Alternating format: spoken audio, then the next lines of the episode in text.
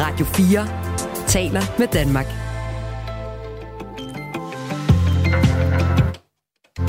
Velkommen til Radio 4 morgen.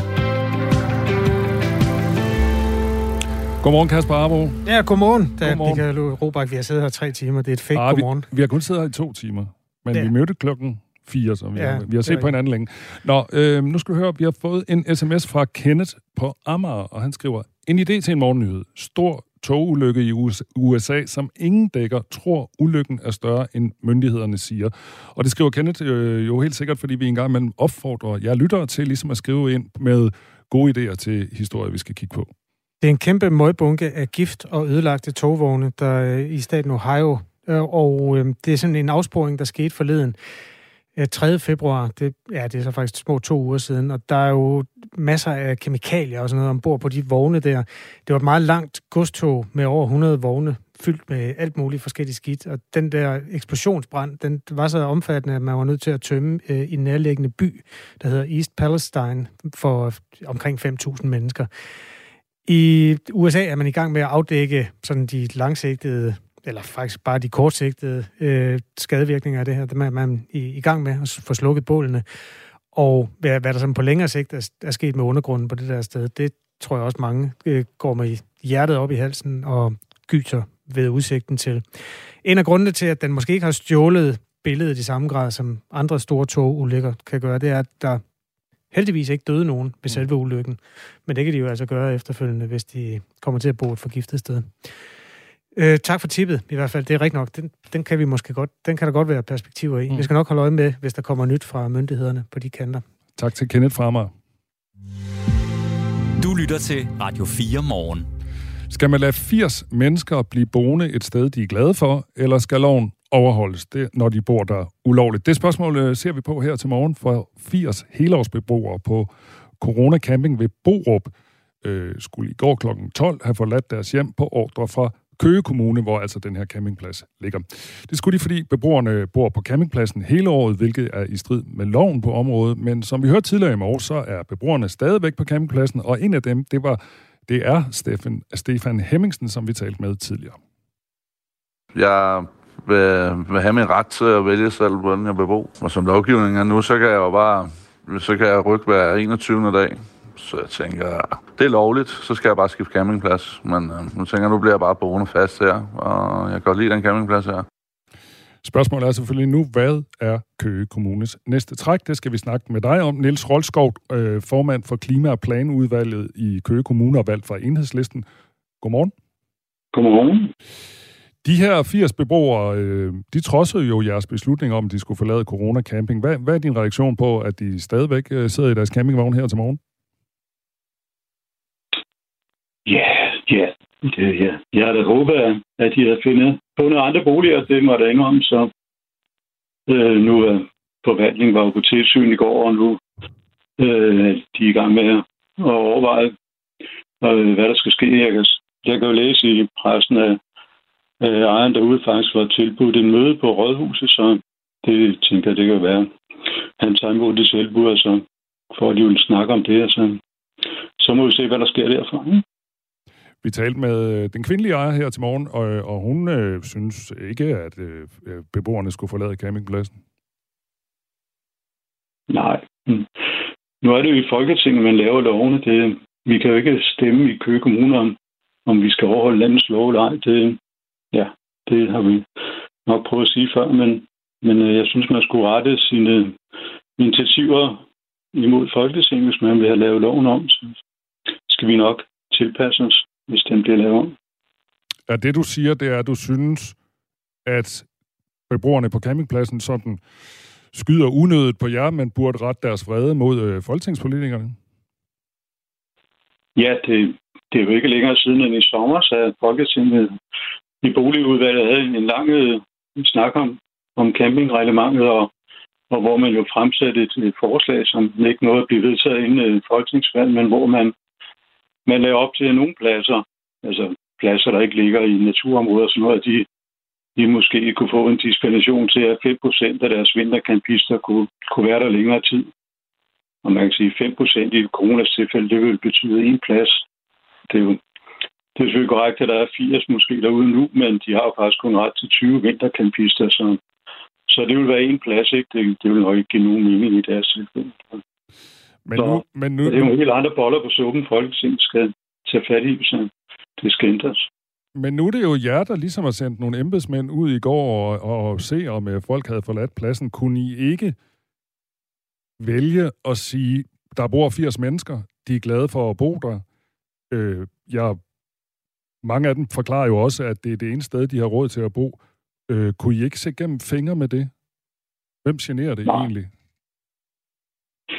Ja, altså, det er jo ikke spørgsmål, om det generer nogen, men det gør det jo så faktisk. Altså, der er nogle, nogle naboer, der, der lider hårdt under, at pladsen øh, har fået den tilstand, den har. Ikke? Så, så de har jo også krav på, at, at vi følger lovene i landet, og, og i virkeligheden er det jo ikke et spørgsmål om, øh, ja, det er jo ikke noget, vi kan stemme om i Køge Kommune, om vi synes, man skal overholde landets lov eller ej. Altså, det, det giver jo ikke nogen mening. Det, hvis man læser reportagerne fra øh, campingpladsen i går, så er der flere naboer, der var inden for at støtte beboerne. Hvad, hvad er det for nogle naboer, som, som føler sig generet? Ja, det vil jeg ikke komme ind nærmere ind på. Det er faktisk også, nogle af dem er ret sårbare. Måske endda mere sårbare end dem, der er på campingpladsen. Så, så det vil jeg ikke involvere nogen. Tidligere på morgen, der talte vi med en af dem, der bor på campingpladsen, og han, øh, han sagde blandt andet, når da han flyttede derind, så fik han så et sygesikringsbevis fra Køge Kommune. Der var, der var ikke nogen, der sagde, og i øvrigt, øh, der kan du altså ikke bo. Og vi har også fået en sms her til morgen fra en, der hedder Frank. Han skriver, en af mine bekendte boede med Køge Kommunes billigelse på Corona Camping i tre år, hvor de betalte hans boligudgifter. Han var meget syg og ventede på en afgørelse om førtidspension, og, og i mellemtiden fik han kontanthjælp. Efter tre år kunne de så anvise ham en lejlighed. Har I ikke været med til at give de her mennesker et, en falsk forhåbning om, at øh, de kunne blive boende, fordi I udmærket har vidst, at de boede her? Nej, altså, det, man kan flytte adresser og sådan nogle ting. Det, det, det kan man faktisk gøre uden at involvere nogle øh, mennesker. Det er ikke, der er ikke sådan en sammenhæng mellem de registreringer der, så, så det, det kan man gøre. Du kan, du kan sådan set også øh, melde flytning for din nabo, hvis du har lyst til det. Det, det vil jeg ikke anbefale, men, men det er nogle systemer, der kører helt øh, selvstændigt, så, så det, Men det er vel ja. Rigtigt, at der har været øh, borgere i Køge Kommune, som for eksempel har været på kontanthjælp, hvor jeres øh, sagsbehandlere og andre har vidst, at de har boet herude. ja, det skal jeg ikke afvise det. Men ja, det er ikke så meget med, med den her sag at gøre. synes jeg. Nå nej, men det, det har med sagen at gøre, er jo, at beboerne oplever på den ene side, at kommunen godt ved, at de bor derude, og på den anden side, så siger de, det er ulovligt, og nu skal I flytte jer. Altså, så de, jeg tror, de oplever en eller anden slags dobbeltmoral. Jo, altså. Men vi har jo haft en håndholdt indsats derude i 3-4 år, hvor vi har forsøgt at hjælpe dem videre, ikke? Så, øh, ja, det kan man sige, der har der åbenbart ikke været en helt stor interesse for os. Så, så derfor er vi jo kommet her, hvor de stadigvæk bor der alle sammen åbenbart. Eller faktisk jo fire gange så mange, som, som de har tilladelse til vintercampister, ikke? Så, om det er hvem, der har medvirket til det, skal jeg ikke kommentere på, men, men det har været, jeg synes jo, det havde været fint, hvis ejerne, da de opdagede, at der blev klaget, om, og man bad dem om at overholde lovene, så de havde prøvet at afvikle tingene hen ad vejen. Ikke? Altså, det har jo stået på i ja, syv år måske. Ikke? Så, så man burde, hvis man havde taget det stille og roligt, så ville man nok kunne have været i en situation nu, hvor der ikke var flere tilbage. Men der er jo rigtig mange af de her mennesker, som faktisk rigtig godt kan lide at bo derude. Altså som får et fællesskab, som de måske ikke får i nogle lejligheder. Og, og ja, det her fællesskab er der jo øh, blandt andet ham, vi talte med tidligere i morges. Altså det var en af de vigtige ting. Han sagde, at han øh, sådan set godt havde råd til at bo andre steder, men, men han var meget interesseret i fællesskabet. Har du ikke forståelse for, at det her sted måske samler nogen op, som, som gerne vil bo på en anden måde end i en lejlighed?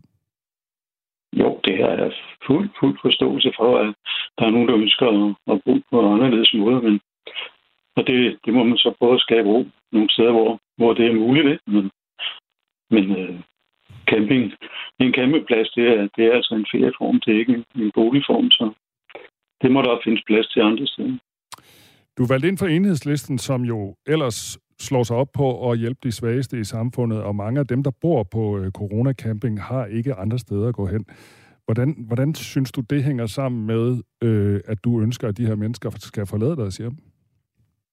jeg, kan 100% give jer til det første, du siger, men, men jeg ikke til det, det næste. Altså, som sagt, Køge Kommune har i tre, måske fire år løbende tilbudt øh, hjælp til, til de borgere derude, så jeg er sikker på, at hvis han havde taget imod de tilbud, så, så ville man have haft en, en anden bolig nu. Så ja, men, men er, I ikke, er I ikke et parti, som også ligesom anerkender, at folk kan gerne, vil gerne bo på, på andre måder? Jeg ved da også, at i alle årene, også før enhedslisten kom til at hedde enhedslisten, der har I for eksempel været fortaler for, at man skulle lovliggøre Christiania, og folk skulle have lov til at bo på Christiania, og folk skulle have lov til at have alternative måder at bo på. Hvorfor ikke i Køge Kommune? Jo, det er jeg også sikker på, at vi hellere gerne vil. I hvert fald som enhedsliste i Køge Kommune. Altså, det, vi står faktisk lige over for at skulle vedtage en helhedsplan for noget, der hedder øh, følge Bjergby, hvor det faktisk er inkorporeret i planen, at der både skal være mulighed for de såkaldte tiny houses, men også et område, hvor man kan lave sådan moderne kolonihavebebyggelse, som, som jeg faktisk tror vil tiltage nogle af de beboere ude på, på corona. Så nu er vi kun en ud af 27, så vores magt er jo begrænset, men, men det er da nogle af de ting, som byrådet er rimelig enige om, at vi skal have fremmet. Ikke? Så, ja. Vi taler med Niels Rolskov, som er formand for Klima- og Planudvalget øh, i Køge og valgt fra Enhedslisten. Nu tolker jeg lidt nogle af dine svar, men jeg har sådan en fornemmelse af, at du egentlig synes, det er en meget svær sag, det her, fordi nu gætter jeg, og så må, du spørge, så må du sige, om jeg gætter forkert, at dit hjerte er måske med nogle af de her beboere, men sådan din politiker hjerne synes, at loven skal overholdes. Jo, jeg har den allerstørste medfølelse, og jeg kender også nogle af dem personligt. Øh, så, så ja, jeg synes jo bare, at de skulle tage imod de tilbud, vi har givet dem om at, få nogle andre boliger. Så fordi at, altså enhedslisten vil hellere gerne lave hele verden om, også i, i Danmark, men, men vi vil ikke gøre det gennem kriminalitet. Vi, vi anbefaler heller ikke, at man skal løse inflationsproblemerne ved at være butikstyv. Altså det, det, det er ikke den vej, det skal gå. Vi er nødt til så længe vi er i det her samfund, så holder vi os inden for loven. Ikke? Men jeg tror ikke, de her mennesker, der bor helt fredeligt ude på den her campingplads, oplever, at de begår kriminalitet. Ja, det må man jo bare konstatere, at i hvert fald ejeren, altså det er jo ejeren, der har ansvaret for at drive pladsen, og, og han har i lang tid været klar over, at han ikke overholdt loven. Så du får lige til sidst her en hilsen fra Stefan Hemmingsen, der har boet på Corona Camping de seneste øh, to år. Og ham havde vi med tidligere på morgen, og øh, lad os lige høre, hvad han sagde til dig. så han skulle øh, tage at tænke sig om, øh, og så få, øh, få rettet ind, men øh, det tror jeg ikke. men øh, må vi se. Du skal tænke dig om at rette ind. Det er beskeden til dig, Niels Rolskov.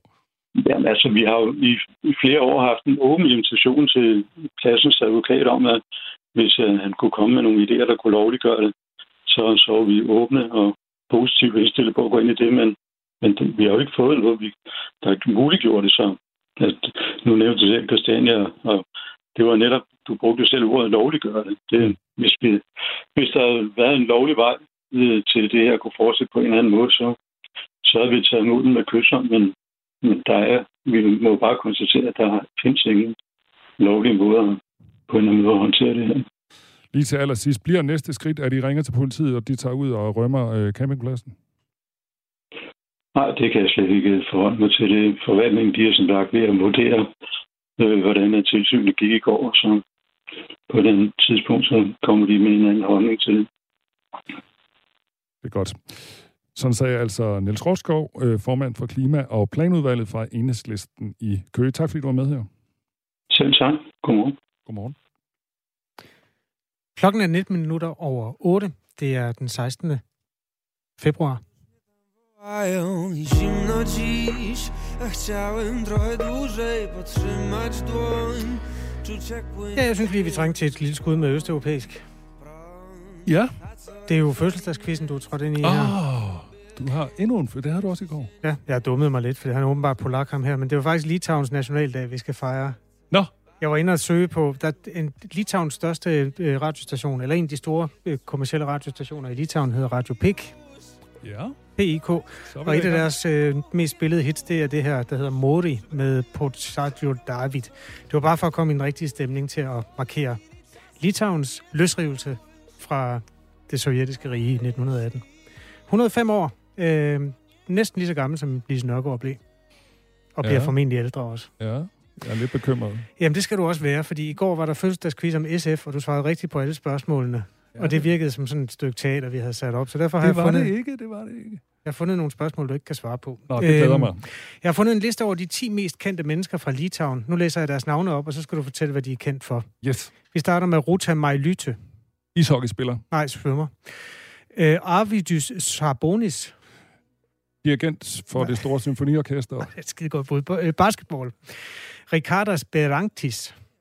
Sanger. Nej, tennis. Øh, Det var jo bare sportsfolk. Civile Raudonien.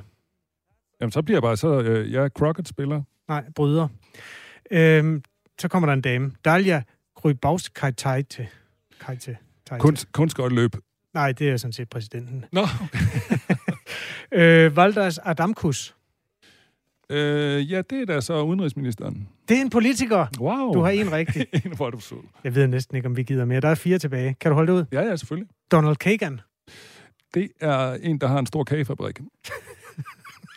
Den største industrimagnat. det er godt, godt nok en øh, berømt historiker på Yale Universitetet. Så er der tre litauere tilbage. Vi tager dem hurtigt. Jonas Vaitkus. Det var grundlæggeren af hovedstaden, som jeg også har glemt, hvad hedder. Vilnius hedder hovedstaden. Nej, han er filminstruktør. Nå ja. Øhm, Sydranus Savitskias. Fodboldspiller. Nej, øhm, Stærkmands konkurrencevinder. Kasper. Og så slutter vi med Jonas Valenciunas. Violinist. Nej, øh, det er også basketball. Godt, en rigtig Så fik, 10. du, så fik du ødelagt min selvtillid her til morgen. Ja, men tillykke til Litauen. Ja, det er altså en stor ting. Det, Ja, ja, det er klart. en gang i 1300-tallet var det en af Europas største stater. Et øh, fyrstendømme, der rummede hele det nuværende Ukraine og meget andet. Det ved du fra din øh, tid på Aarhus Universitet, hvor du læste øh, baltiske studier, kan jeg se på det. Det er nemlig rigtigt. Det er godt. Klokken er 8.22. Det her er Radio 4 morgen. Nu vender vi os mod det danske forsvarsforlig, som der jo skulle forhandles om nu, men det bliver forsinket, fortæller fungerende forsvarsminister Troels Lund Poulsen fra Venstre, og det fortæller han til øh, Jyllandsposten. Forhandlingerne bliver udskudt til et godt stykke hen på foråret, og det kan jo godt øh, være lidt ærgerligt, når nu lige præcis forsvaret trænger til en stor opgradering. Både i lyset af den situation, vi står i nu, og i lyset af de mange penge, der bliver tilført i løbet af de kommende år. Peter Ernst ved Rasmussen følger jo forsvaret for os her på Radio 4 på vores forsvarspolitiske magasin Frontlinjen. Godmorgen. Hey, godmorgen. Hvad betyder... Nej, allerførst, hvorfor udskyder man forhandlingerne? Ja, det gør man jo primært, fordi at den øh, normale ud, øh, forsvarsminister Jakob Ellemann Jensen er blevet langtidssygemeldt med stress. Og øh, det var jo ham, der skulle sidde i spidsen for de her forhandlinger. Nu er Trostrøm Poulsen kommet ind som fungerende forsvarsminister, og han skal naturligvis, må man jo sige, øh, have tid til at sætte sig ind i sagen. Og så er der lige et enkelt hængeparti, som man ønsker at have styr på, inden man begynder at afsætte en masse nye milliarder. Og det er det her såkaldte kasseeftersyn af et milliard efterslæb på Forsvarsministeriets område. Altså den tidligere forsvarsminister, Socialdemokraten Morten Bødskov, lancerede det her kasseeftersyn, da han blev forsvarsminister for ret præcis et år siden, øh, efter Trine Bramsen. Og, og, og årsagen var, at, at forsvaret simpelthen ikke havde de penge til at drive forsvaret, som man håbede og troede på. Og øh, Morten Bødskov som tidligere skatteminister, han tænkte, vi må finde ud af, hvor hullerne er. Og, og, og det, det jo har vist sig, det er, at der er huller overalt. Og, og det kører ligesom i flere faser. Nu mangler man øh, de sidste, den sidste afdækning af, hvor store mangler er der i virkeligheden rundt omkring i forsvaret. Det vil man have styr på, inden man begynder at tildele nye penge. Ja, altså Jakob Ellemanns historie er jo kendt forsvarsminister og vicestatsminister. Han er jo altså langtidssygemeldt. Ingen ved, hvornår han kommer tilbage, og Troels Lund Poulsen skal have noget tid. Øh, og så er der alt det andet her, der, der sejler. Øhm, I din optik, Peter Ernst, hvor, hvor alvorligt er det? Det er et meget ledende spørgsmål, men altså, vi står jo i, i en situation, hvor vi har brug for at opdatere forsvaret. Jamen prøv at høre, du kunne have spurgt mig for et år siden, hvor alvorligt er det her, og jeg vil have sagt det samme. Det er meget, meget alvorligt, og det begynder jo også at blive ganske pinligt for Danmark, Altså, krigen er snart et år gammel, og det vores naboland gjorde, da krigen begyndte, det var, at man sagde, ups, vi er ikke helt klar på øh, en krig med Rusland. Nu tilfører vi vores forsvar en masse midler, og nu begynder vi at investere og købe de kapaciteter, vi mangler. Vi begynder at købe ammunition og øh, ændre værnepligten og uddanne flere soldater. Her et år inde i krigen, der har Danmark øh, sat sig sammen og blevet enige om et nationalt kompromis. Og så har man i øvrigt udskudt alle forhandlinger til et nyt forsvarsforlig. Og det her forsvarsforlig, der er man egentlig ikke gået i gang. Man er ikke engang enige om, hvem der skal sidde med bordet og forhandle, hvad der skal ske. Og samtidig så har man det forsvar, der øh, er pint til det yderste, har været indsat nu i Letland i snart et år, og øh, meget snart så vender soldaterne fra Livgarden hjem, og der kommer ikke nogen danske soldater over at afløse dem, fordi vi har ikke flere soldater, vi har ikke mere materiel, vi har slidt det op. Øh, så mm. alle skriger på handling nu og her, øh, og problemet er bare, at der kommer til at gå mange, mange måneder, før der både bliver tilført penge, og før der kommer til at ske noget som helst handling på det område. Det med pengene er man jo enige om. Altså, den nationale økonomi åbnede for noget af det, og sådan på den, altså, i den brede øh, forhandling om det her, det er jo helt tydeligt, at alle er klar på at bruge flere penge på forsvaret. Selv øh, enhedslisten har jo sagt, at nu skal der ske noget. Hvorfor kan pengene ikke begynde at flyde allerede nu?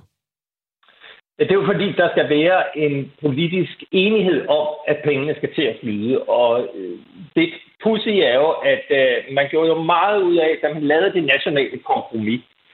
Det kom jo en uge efter, at Tyskland valgte at øh, booste det tyske forsvar med 100 milliarder euro, hvor man så fra Danmarks side sagde, nu tilfører vi det danske forsvar 7 milliarder over to år. Og så må resten af pengene komme, når vi har et nyt forlig forhandlet på plads. De 7 milliarder, man afsatte, de er længe brugt til donationer til Ukraine. Det er over 4 milliarder nu. Og så det beredskabsforøgelse, man lavede, hvor man blandt andet indsatte den her kampbataljon i Letland. Mm. Så pengene er brugt. Og, og, og det, det, det, der mangler nu, altså det er, må jeg også bare sige, at der er en forsvarsledelse, der træder i karakter og fortæller politikerne, at det kan godt være, at I ikke kan komme i gang med noget forsvarsforlig øh, før om nogle måneder, og det kan godt være, at der går et lille år, før vi får et forsvarsforlig, men vi har brug for penge nu. Og så må man simpelthen lave en liste over, hvad der er bidende nødvendigt, og så få de politikere til at tage beslutninger, så blødningen fra forsvaret kan begynde at aftage, og man kan få købt noget af det, man står med andre. Vi er jo et land, hvor økonomien også skal hænge sammen, ligesom Tyskland skal. Altså hvis man sammenligner de to befolkningers størrelse, så er det jo faktisk øh, helt i tråd med det størrelsesforhold, at vi giver 7 milliarder, og de giver 100 Ja, bortset fra, at Tyskland sagde, at det var en straks donation, og så derefter så vil man hæve det tyske forsvarsbudget til 2% i løbet af ganske få år. Jeg mener, at det er 24, de kommer op på 2%. Og det er klart, man kan ikke nå at bruge alle penge, men ved at have dem allokeret og stående, så kan man begynde at lave nogle investeringer. Vi har i øjeblikket dansk forsvar, og de penge, man allokerede, de er jo så først og fremmest er gået til donationer til Ukraine. Og dermed har man et forsvar, der mangler alt. Og man kan end ikke øh, gå ud og begynde at lave nogle af alle de massive investeringer, der er behov for i køretøjer og materiel og hvad det ellers er, man har brug for, fordi pengene ikke er der. Og, og et forlig, der strækker sig over 10 år, det er jo klart, der er nogle af de ting, man ønsker at købe, som først kan købes nogle år ud i fremtiden. Men man må gå ud fra, at forsvaret har en straksliste over nogle af de investeringer, som man mener at kunne gøre med meget, meget kort varsel for at afbøde nogle af alle de problemer, forsvaret står i. Og jeg vil næsten gå ud fra, at det er noget af det, man må begynde at tale om, hvordan man øh, får løst, fordi øh, det, er, det er ret nødvendigt, at der sker noget meget snart. Peter Ernstved er vært på frontlinjen. Tak fordi du lige var med her på morgenkvisten også, Peter Ernstved. Ja, velkommen. Det er normalt kl. 11 om onsdagen, at øh, han træder op, eller du kan gå ind i din Radio 4-app og finde alle de øh, tidligere afsnit. Også øh, for eksempel det, der kom i går, hvor der foruden øh, noget af det aktuelle på forsvarsområdet, også var et besøg i Danmarks koldkrigsbunker, Regan Vest, som var vores øh, forsøg på at beskytte os selv dengang øh, den kolde krig var der. Og lige om lidt, så skal vi høre fra Malou Freimann, men jeg kan sige, at vi har øh, mere krudt og kugler efter øh, nyhederne, fordi vi kommer til at tale med Jakob Korsbo, som kommer til at, øh, kom, vi kommer til at tale om, at Rusland nu har indsat mere end 300.000 soldater i Ukraine, og det er altså første gang, at de ukrainske styrker ikke har overhånden, når det kommer til antallet af soldater. Det er efter nyhederne. Nu er der nyheder på Radio 4. 2022 meldte 12.751 personer sig ud af Folkekirken, og det er en stigning på 42 procent i forhold til 2021. Det viser tal fra Danmarks Statistik. Stigningen kommer efter tre år med en relativt lav antal udmeldelser, og niveauet er fortsat langt under antallet af udmeldelser i 2016, skriver Danmarks Statistik. I 2016 var der knap 25.000 udmeldelser, og i alder 72 procent af den danske befolkning medlem af Folkekirken. Og set i forhold til 1986, hvor opgørelsen begyndte, er det et fald på 16 procent point. Hver femte mand i aldersgruppen 25-39 år har sjældent eller aldrig nogen at betro sig til. Det viser en undersøgelse, som er lavet for Forum for Mænds Sundhed blandt 1032 mænd i aldersgruppen. Og det, at mange mænd ikke har nogen at være fortrolige med, kan ifølge en ekspert føre til psykiske problemer. Svend Åge Madsen, der er formand for Forum for Mænds Sundhed og chefpsykolog og forskningsleder på Rigshospitalet, mener, at det er et problem, vi skal forholde os til. Det antal mænd her, det udgør faktisk omkring 140-150.000 mænd i vores samfund, der går rundt og har det sådan på den her måde. Så synes jeg, det er jo noget, som det er rigtig, rigtig vigtigt at forholde sig til. Fordi der ligger jo også noget i den her alder, som går ud på, at det, det er ligesom der, man får dannet et mønster måske for resten af sit liv. Svend O. Madsen fortæller, at tætte relationer er en livsvigtig faktor. Det at have nære relationer er den vigtigste beskyttende faktor mod at få psykiske vanskeligheder, men faktisk også mod at, at, at have dårlig overlevelse af sygdom. Danmark skal hjælpe Indien med at rense Gangesfloden, og det er Indiens premierminister og minister for udviklingssamarbejde og global politik, Dan Jørgensen, blevet enige om. Ganges er en flod med meget stor betydning for Indien, både religiøs og praktisk, fordi den leverer vand til mange indere. Og derfor er det også meget alvorligt, at den er så forurenet, som den er, en af de mest forurenede i verden, og derfor vil vi gerne hjælpe med at rense, rense den, siger Dan Jørgensen. De danske teleselskaber har nu mulighed for at blokere underartede hjemmesider med henblik på at beskytte borgerne ved brug af såkaldt DNS-blokering. Sikkerhedsfiltre skal beskytte mod phishing, som er en form for internetsvindel, hvor svindler i en mail eller sms forsøger at få en til at trykke på et link til en hjemmeside, som udgiver sig for at være eksempelvis en myndighed. Ifølge IT-sikkerhedsekspert ekspert hos Kruse Industries, Peter Kruse, er phishing et stort problem. Det er et stort problem. Det har vokset sig, øh, det har vokset sig kæmpe stort, og faktisk blandt et af de hastigst voksende, kan man sige, øh, problem, problemer, der findes for den helt almindelige borger. Telenor lancerer som frontløber sit eget filter med navnet SickerSurf, og det skal for marts blokere hjemmesider med virus og phishing hos alle Telenors mobil- og dataabonnementskunder. Vi har en, øh, vi har stor mulighed og en stor ansvar for at øh, gøre tingene på en, en god og sikker måde.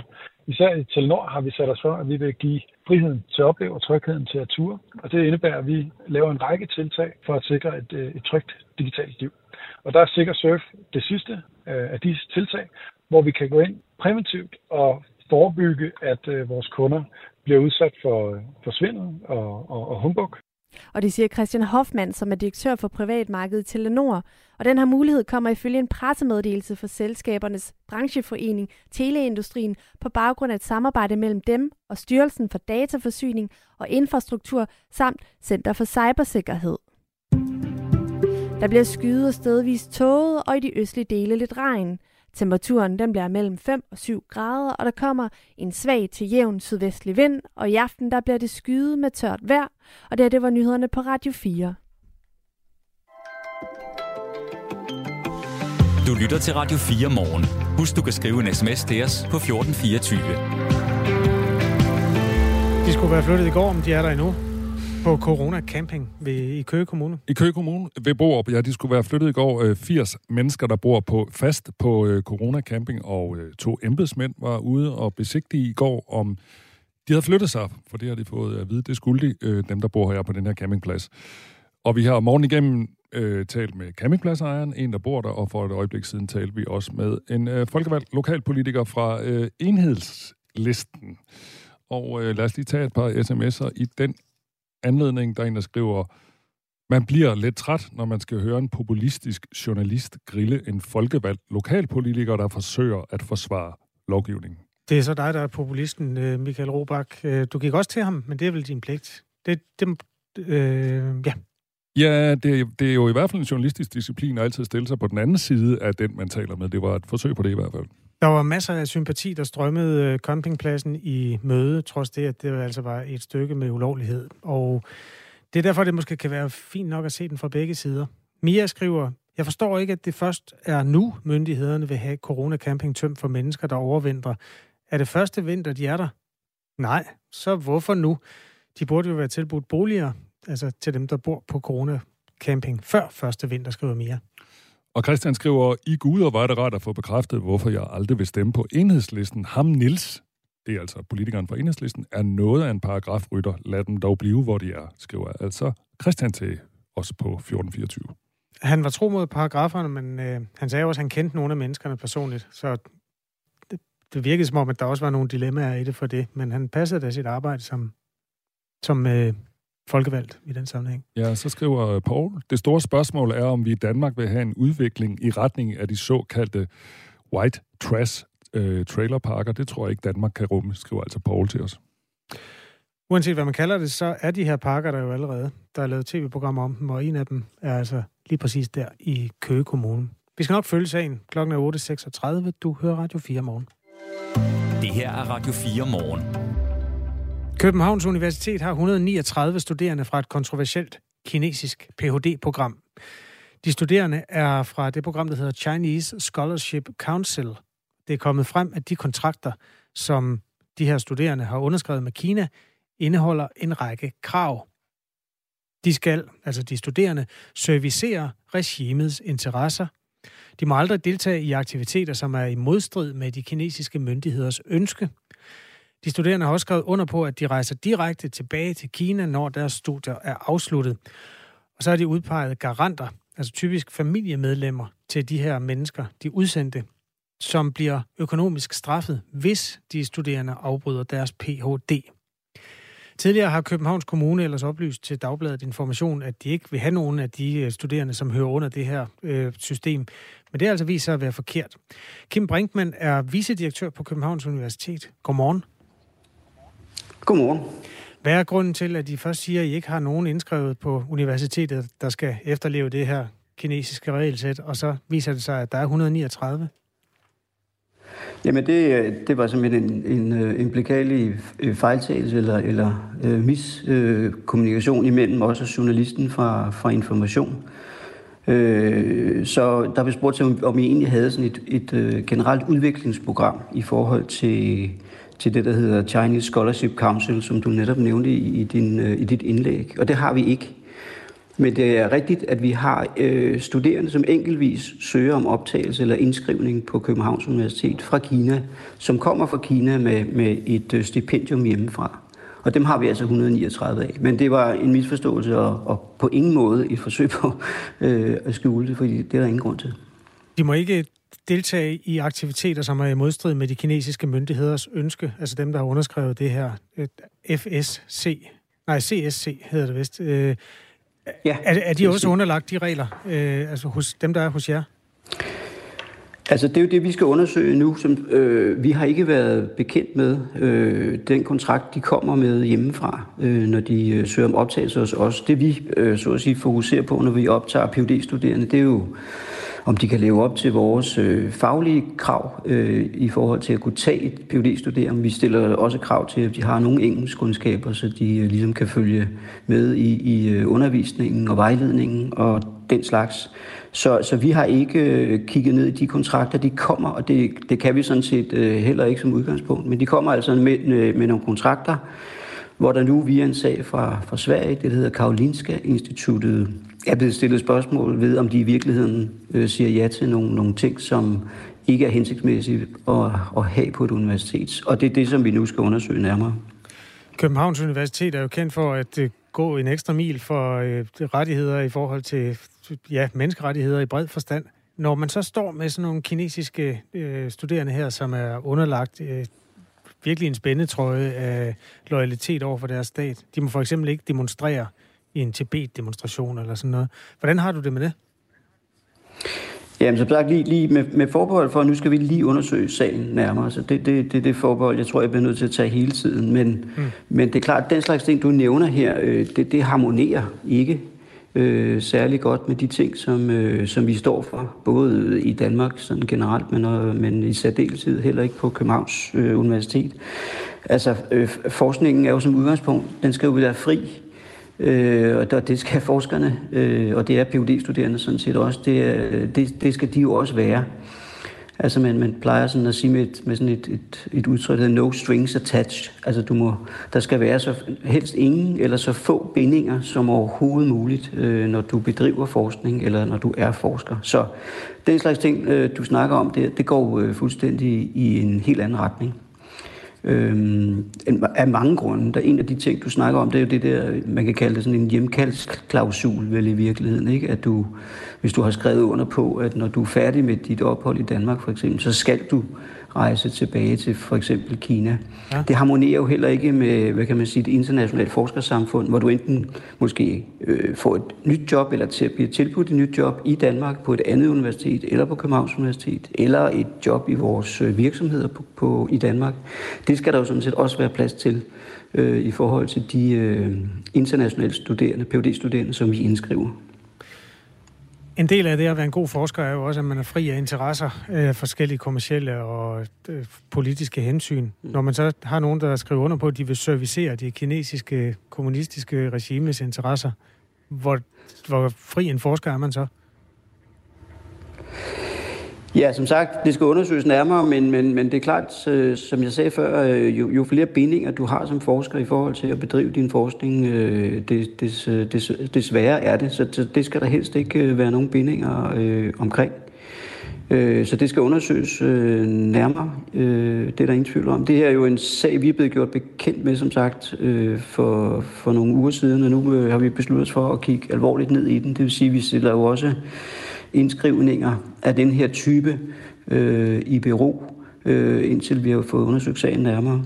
Øh, ja, så, så ja, det kigger vi på med, med stor alvor. Kim Brinkmann er altså vicedirektør på Københavns Universitet, hvor der er indskrevet 139 studerende, og det er det, der skal undersøges nu, hvorvidt de altså via øh, den kontrakt, der er med det kinesiske styre, er underskrevet kontrakter på sådan nogle en binding til styret, som ikke går så godt i hånd i hånd med hverken universitetets værdier eller det at være en fri forsker. Uh, Kim Brinkmann, det går altid elendigt, når vi her i Danmark siger, at nu vil vi tage en dialog med det kinesiske styre, fordi der er ikke nogen dialog. uh, hvad, altså, er der noget alternativ til at lukke for, for strømmen af kinesere? Ja, altså det, dialog skal man, øh, det er jo altid en god ting, uanset øh, hvor, hvor stor en krise man er, man, man er i. Så det, det synes jeg altid, man, man skal, skal prøve. Jeg, jeg tror her øh, i forhold til, til det, der så hedder Chinese øh, Scholarship Council, som jo er et råd, der ligesom uddeler de her stipendier, der giver det nok meget god mening, enten hvis man samler sig, så det ikke kun af Københavns Universitet. Det kan være alle danske universiteter. Det kunne også være øh, vores ministerium, som er Uddannelse- og Forskningsministeriet, som måske i den her sammenhæng i hvert fald har en, en stærkere røst, end, end vi har som, øh, som universitet. Men det er klart, øh, når man skal opklare sådan en sag, så er det jo bedst, hvis der er nogen, der vil medvirke, medvirke til, til opklaringen. så, så det må vi jo, det må vi jo prøve at forsøge øh, på bedst mulig vis. Altså nogle af kineserne? Og så, vil jeg, og så vil jeg jo ikke sige det, nogle af de her sager, som, som kommer nu, det, altså de kan jo se lidt, lidt øh, hvad skal man sige, lidt, lidt mærkelige ud, eller, eller lidt fjollede ud. Og det er jo også et udtryk for, hvad skal man sige, sådan et, et skift i vores syn på det at samarbejde med for eksempel Kina. Ja. Øh, hvor vi for bare 10-15 år siden jo prøvede at, at samarbejde så meget vi overhovedet kunne via globaliseringsaftalen blandt andet. Nu er tiden en anden, og det skal vi jo så at sige omstille os til. Undskyld, og, og det her er et meget godt eksempel, synes jeg, på, på sådan en omstillingssag. Frygter du, at de ikke vil sige noget om det? Altså, du sagde, at det kræver, at der er nogen, der vil tale med jer. Ja, men altså, vi skal nu nok få, det, jeg tror, vi skal nu nok få belyst den her sag nok til, at vi, øh, vi kan træffe øh, en endelig beslutning på Københavns Universitet. Det er jeg sådan set ikke, ikke, ikke så bekymret om, uanset, om, uanset hvem der vil medvirke til opklaring, så skal vi nok finde, øh, finde ud af det. Bare lige ja-nej til sidst. Er det på bordet at lukke for strømmen af studerende fra Kina? Altså ikke, ikke generelt for, for Kina, og, og, og man skal hele tiden sondre mellem, der, der er sådan de almindelige studerende, altså dem, der søger vores øh, bacheloruddannelse og kandidatuddannelse. Ja, det, er det er dem, vi snakker om her. Her snakker vi om, om en, en, øh, en særskilt gruppe af, af phd studerende som har det, der hedder et leveomkostningsstipendie med hjemmefra, og det er dem, vi øh, kigger på. Øh, og det er klart, at hvis det ikke er forenligt med de værdier, øh, vi har her på Københavns Universitet, så kan vi, øh, så at sige, selvfølgelig ikke have øh, sådan en aftale. Men som sagt, vi skal undersøge den nærmere, før vi kan udtale os øh, helt konkret. Godt. Jamen, øh, vi ringer tilbage om... Hvor lang tid tager det at undersøge det? Ved du det? ah, det er jo sådan nogle ting, man skal passe på øh, med at, at sige. Øh, ja, vi vil gøre det hurtigst muligt. Øh, det vil jeg gerne komme, komme tilbage til, men, men så hurtigt vi kan lave en ordentlig undersøgelse som muligt. Godt. Vi holder Og det kommer ikke til at tage et år eller noget. Nej, fint. Lad os vende tilbage godt. til det. Tak fordi du var med her til morgen, Kim Brinkmann.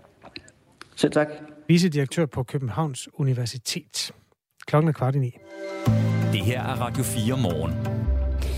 Lad os lige tage en, øh, en lille ting, som jeg tænker kan være rigtig rar læsning for nogle politikere, og ikke så rar læsning for nogle andre. Meningsmåling? Uh, ja, en slags meningsmåling. Det er BT, der har bedt YouGov uh, spørge danskerne, hvem, hvilke politikere de godt kan lide. Spørgsmålet er simpelthen, uanset dine politiske præferencer, hvad synes du så om følgende personer? Og det, de personer, der så er blevet spurgt til, er kun øh, partiledere. Så nu er de simpelthen øh, rangordnet over, hvem danskerne synes bedst om. Altså, hvem er mest nice? Ja, ja hvem er mest nice? Og det er jo svært at sige, hvad er nice? Ja, det er Eller synes bedst om. Er det en, man gerne vil drikke en øl med? Eller, ja, det, eller er det en, det man, tænker jeg, det er. Det tænker du, det, det kunne også være en, man gerne vil overlade sine børn til, hvis de skulle passes, og man skulle i biffen. Ja. Ja. Så... Ja, det er ikke den samme, jeg tænker på i de to tilfælde. det er ikke den samme. Så det er jo sådan, du ved, lidt... Hvad synes du om følgende personer? Okay. Så, så det er... Øh, og der er to, der øh, ligger i top. Øh, på en del førsteplads. Øh, jeg ved ikke, om vi skal kviste den. Jeg gætter på... Vil, vil, du, vil du quizzes? Ja, ja. Du kan, jeg, vi, jeg quizzer, vi quizzer det lidt undervejs. Ja, hvem tror du? Øh, børnepasser, Inger Støjberg, øh, Fadøl, Lars Løkke Rasmussen. Det er helt forkert. Nå. Øh, dem, der ligger nummer et, det er Pia Olsen Dyr og Alex Vanopslag på en øh, fælles førsteplads. Okay. Ja. Det er også dem, der havde den største fremgang til ja. Folketingsvalget. Men du var ikke helt galt på den, Kasper, fordi Inger Støjberg og Lars Løkke Rasmussen er nummer tre og nummer fire. Hvor ligger Mette? Mette er nummer 5. Og så kommer Søren Pape Poulsen og Martin Lidegaard. De, de er lige populære. Og dernæst følger Maja Villadsen, og så Jakob Ellemann Jensen. Og jeg synes, Hvad med Morten Messersmith? Ja, det kommer vi til. Jeg synes på en eller anden måde, man lige skal notere sig, øh, at Søren Pape Poulsen egentlig ikke er længere nede efter den her ret horrible valgkamp, han havde. Så det synes jeg, man skal notere sig. Man skal måske også notere sig, at Mette Frederiksen altså er 1, 2, 3, 4, nummer 5. Mm. Øh, hun har i hvert fald ligget højere tidligere. Efter Ellemann kommer Messerschmidt, og så kommer Franziska Rosenkilde, og i bund ligger Lars, Lars Bøje Mathisen. Ja. Og hvis vi nu skal være lidt flinke, uanset, altså også selvom spørgsmålet er, har været, hvad synes du om følgende personer, uanset dine politiske præferencer, så er det jo også nogle af de mindste partier. Øh, hvis ikke det er de mindste partier, det tror jeg faktisk det er, det som, lig, som ligger i bund. Men det er altså Messerschmidt og Franziska Rosenkilde og Lars Bøje Mathisen. Okay. Hvordan, jamen, hvordan, øh... hvordan tror du, de bliver læst, de her? Altså, jamen, det... Tror du, der er, tror du, der er øh, gamle dans til morgenkaffen hos SF og Liberal Alliance? Øh, er det ikke sådan, tror du ikke, de bliver læst positivt for dem, hvor det går godt, og de andre, de siger bare, at det er jo bare en meningsmåling? Jeg tror i hvert fald, at dem, jo højere du ligger, desto mindre, desto færre ting er du blevet holdt ansvarlig for, for nylig. Altså Morten Messersmith har jo også været igennem en ret øh, barsk tid, både som partileder og også i forhold til hans retssag der, ikke? Ja. Lars Bøge Mathisen har også været til diskussion, og ja. det var primært for det dårlige, fordi folk forlod partiet på grund af ham. Mm. Så og så kan... omvendt, Pia Olsen Dyr, hun er altså gået under radaren i lang tid. Ja, men i det hele taget, altså i meningsmålinger står SF jo også øh, rigtig, rigtig godt, og det tænker jeg jo selvfølgelig, fordi at der er folk, der nu ser SF som et rødt alternativ til Socialdemokratiet, som jo nu ja. har forlået sig med de blå. Nå, men spændende. Hvem ja, spændende. vil du helst øh, drikke en øl med, hvis du måtte vælge mellem alle 14 partiledere? Og jeg tror, jeg vil sige Mette Frederiksen, men det er mest af alt, fordi jeg selvfølgelig gerne vil drikke en øl med den, der har mest magt. Okay. Så ud fra det kriterie, tror jeg, jeg vil tage en. Jeg vil tage Messersmith. Jeg synes simpelthen, han er den mest underholdende. Ja, okay, men det er jo også et kriterie. Klokken er 58. Det her er Radio 4 morgen. Rusland har indsat mere end 100.000 soldater i Ukraine, og det er altså første gang, de ukrainske styrker ikke har overhånden, når det kommer til antallet af soldater. Sådan sagde EU's udenrigschef øh, Josep Borrell i en tale til EU-parlamentet i går, og Josep Borrell forventer, at det her er første led i en stor russisk forårsoffensiv, og det kan få afgørende betydning for krigen. Og når vi snakker krig, så ringer vi en gang mellem til dig, Jakob Korsbo. Du er senioranalytiker i Tænketanken Europa. Godmorgen. Godmorgen, godmorgen. Det gør jeg, ja. Og I er velkomne. Tak skal du have. Er det også din vurdering, at vi inden længe kommer til at se en uh, stor russisk offensiv? Altså, jeg vil sige, at der har været en offensiv i gang i et, øh, et godt stykke tid. Hvis øh, lytterne husker tilbage til november måned, så trak russerne sig jo tilbage fra Kherson, øh, tilbage over floden der. Mm. Og øh, ved den lejlighed, der lovede den øverstkommanderende, at det var så fordi, at man kunne lave en offensiv i, øh, i Donbass. Og det har man så gjort siden. Øh, den pågældende øverstbefalende Sudovikin dengang, han havde ingen succes og kunne ikke rigtig øh, nå videre, og så blev han sat fra bestillingen, øh, eller i hvert fald detroniseret som øverstbefalende i øh, januar måned. Og øh, siden da har det så været den tidligere generalstabschef, eller han er faktisk stadig generalstabschef, der har taget den operative ledelse og, øh, og øh, nu, nu trykker man så endnu mere på speederen og, og dykker endnu dybere for at kaste alle ressourcer ind på at opnå nogle, øh, nogle sejre. Så de er i gang med den her forårsoffensiv, er det, er det det, du siger? Ja, jeg vil kalde det en vinteroffensiv, fordi jeg tror faktisk ikke, at den når så meget ind i foråret, hvis jeg skal være helt ærlig. Det kan godt være, at den når ind i forårsmånederne, men ikke, ikke alverden. Det tror jeg ikke. Hvad betyder det egentlig? Eller hvad, hvad mener du med det?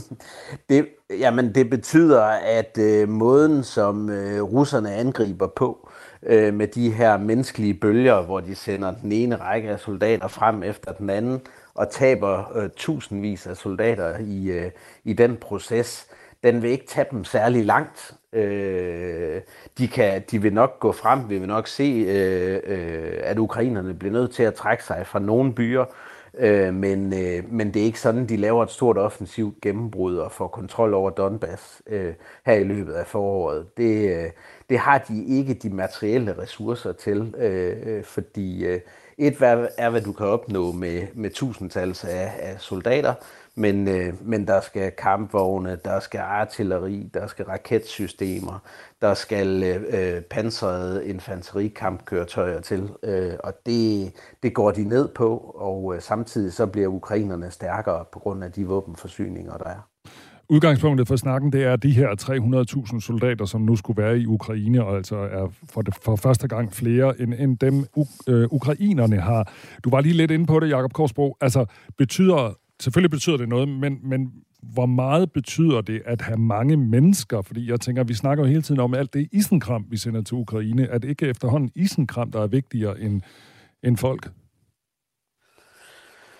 Jo, altså nok hvis du skal vinde krigen, men det ubehagelige ved de her mange soldater, som øh, russerne kaster ind, øh, det er jo, at øh, de kan tilføre ukrainerne mange tab i, i den her proces, og det trækker krigen ud og det gør det sværere, øh, fordi de bliver ved med at, at, at myldre frem, ikke? Øh, og, øh, og der dør jo øh, i tusindtals. Øh, nogle dage øh, bliver der taget tusind af kamppladsen, ikke? og det er jo, det er jo voldsomt. Øh, andre dage ligger tabstallet nok omkring 500 eller noget i den retning. Og her siger jeg ikke nødvendigvis, at de alle sammen er døde, fordi estimatet af, hvem der er døde og hårdt såret og, og lettere såret, det, det kan samtidig være svært at lave. Men, øh, men det er i hvert fald øh, skrækkelige ting, der foregår. Hvad, hvad, hvad taler de om i Rusland? For jeg tænker, altså hvis man putter 300.000 soldater ind, og der dør rigtig mange hver evig eneste dag, altså opstår der ikke på et eller andet tidspunkt, selv i Rusland, en debat om, hvorvidt man skal blive ved med at sende soldater dertil?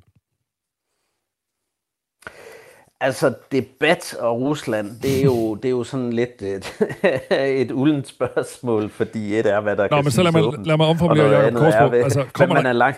kommer der ikke et pres på et tidspunkt så på Putin eller andre, hvis, hvis, hvis, altså, hvis for mange soldater kommer hjem i kister? Jo, altså det er min vurdering, at øh, på et eller andet tidspunkt vil det øh, betyde noget. Det vi jo kan sige med sikkerhed, det er, at da man lavede den her mobilisering i efteråret, hvor de officielle tal lyder på, at de mobiliserede 300.000 øh, soldater, ikke? Der, det har skabt uro i, i, i Rusland. Det er der ingen tvivl om. Øh, fordi øh, de første øh, 8-9 måneder gik jo med, at Putin egentlig havde succes med at holde, holde øh, krigen ude af sådan, øh, hvad kan man sige, de politiske områder, af de vigtigste politiske områder af Rusland, og at man primært kunne føre krigen ved hjælp af af, af, af hvad kan man sige, soldater øh, fra, fra mindretalsområderne og, og de mere øh, fattige egne af, af det store rige. Ikke? Mm. Og, øh, og det, det, det bliver sværere og sværere med de her mobiliseringer. Og, og de tal, øh, de estimater, der ligger over, hvor mange der egentlig flygtede fra Rusland af mænd i den våbenføre alder under den første mobiliseringsbølge, det, de viser, at øh, omkring 2-3 forlod Rusland, for hver gang Rusland mobiliserede en. Okay. Det vil sige, hvis, vi, hvis tallet på 300.000 ellers holder, så er det jo 900.000 til lidt over en million, der er, øh, der er taget ud af Rusland alt i alt ved den her mobiliseringsbølge. Og øh, det man så, tror jeg, forsøger, det er at fortsætte sådan en mobilisering på et lavere blus, sådan så der ikke ligger noget offentligt om det. Og det er derfor, at de kan blive ved med at føde soldater ind. Og det er simpelthen, fordi man er bange for den her trykkoger-effekt, øh, der er af de her store mobiliseringsbølger. Så, så det bliver sværere og sværere for dem at generere soldater. Det er der ingen tvivl om. Hvad fortæller den her strategi egentlig om øh, Putins tanker om krigen? Jo, altså det er jo... Øh, jeg, ved, jeg ved ikke, Putin... Jeg tror, han sat, fastsætter jo rammerne og siger til generalerne, nu skal I opnå, nu skal I få kontrol over Donbass. Nu vil jeg ikke finde mig i det her længere. Nu skal der styr på Donbass. Øh, Øh, og øh, så i stedet for generalerne siger, jamen chef, øh, det kan vi ikke få, fordi vi har ikke det materiel, der skal til, og vi er ikke så stærke, som du troede. Så siger de, ja vel, chef, og så prøver de at udføre det med de midler, de nu har. Så hele vejen i den her et år lange krig nu har vi jo set, at øh, Rusland har overvurderet sig selv, fordi Putin ikke har et realistisk billede af, hvad, øh, hvad de egentlig kan. Og, øh, og det fortsætter nu i Donbass, så vidt jeg kan se, mm. øh, fordi de kan ikke øh, få kontrol over det. De når ikke frem til Kramatorsk og Sloviansk. Øh, det, det, det tror jeg ikke på. Det er der meget lav sandsynlighed for. Vi taler jo hele tiden om isenkram, og nu skal de have mere ammunition i Ukraine, og vi sender øhm, forskellige systemer der til og sådan noget. Jeg synes nogle gange, vi lidt glemmer at tale om det der med, hvornår kan vi se en ende på krigen. Og øh, vi har to minutter tilbage af vores morgenprogram, så øh, Jakob Korsbo, øh, kan du give os en eller anden, et eller andet bud på, hvornår stopper den her krig? For det er vi jo, uanset hvor vi står henne, jo alle sammen interesseret i. Ja, altså øh, med de sådan konstanter, vi kan se nu, så vil jeg sige, at det afhænger af, hvor hurtigt og effektivt øh, Vesten kan få flere våben i ukrainernes hænder og mere avancerede våbensystemer. Det kan for eksempel være længere rækkende øh, øh, missiler, som øh, de kan øh, skyde øh, det russiske opmarschland med, hvor de har tusindvis af soldater boende, og hvor de har ammunitionsdepoter og den slags. Det vil have en kæmpe stor effekt, og det vil gøre, at ukrainerne kan tilføre russerne de nederlag, der skal til for at, øh, for at øh, have en chance for at forhandle en fred. Ikke? Altså fordi man kan sige, hvis ukrainerne først kan lave et fremstød ned i den sydlige del af, af Ukraine, ned til Mariupol og Melitopol, så, så kutter de hele forsyningslinjen af til øh, Krim, og så kan man sige, så er der bedre forudsætninger for at lave en forhandling med, øh, med øh, Rusland. Vi håber, det ender i forhandlinger på et eller andet tidspunkt. Uh, tusind tak, fordi du var med her til morgen. Uh, Jakob Korsbo fra, fra Tænketanken Europa. Et minut i ni er klokken efter nyhederne, så kommer vores kollega Mine Surballe sådan på banen med debatprogrammet Ring til Radio 4. Det handler blandt andet om ham her. Hoi! Oj. Kan du Nej, det kunne jeg simpelthen ikke høre, hvem Det er hejermanden. Nå, det er hejermanden, som øh, holder til på Frederiksberg og øh, fodrer hejer. Ja, hvis øh, du har gået en tur i Frederiksberg have på et tidspunkt i nullerne. Jeg tror, han har rykket uden for parken. Det er jeg lidt usikker på. Jeg tror nok, der er noget med, at han nu sidder ved øh, Frederiksberg Centeret Ja, det er meget muligt. I tidligere tider, der sad han inde i, øh, ja, i Frederiksberg have og fodrede de her. Det skal handle om hejermand. Interessant. Ja, og måske princippet i hejermand, nemlig at de skæve eksistenser er lidt svære at finde plads til. Øh, det her det var en lille lydstum, som du også kommer til at høre i Ring til Radio 4 hos Mine om fem minutter. Øhm, ja, tak fordi du har hørt Radio 4 morgen. Vi gør det igen, når det bliver fredag kl.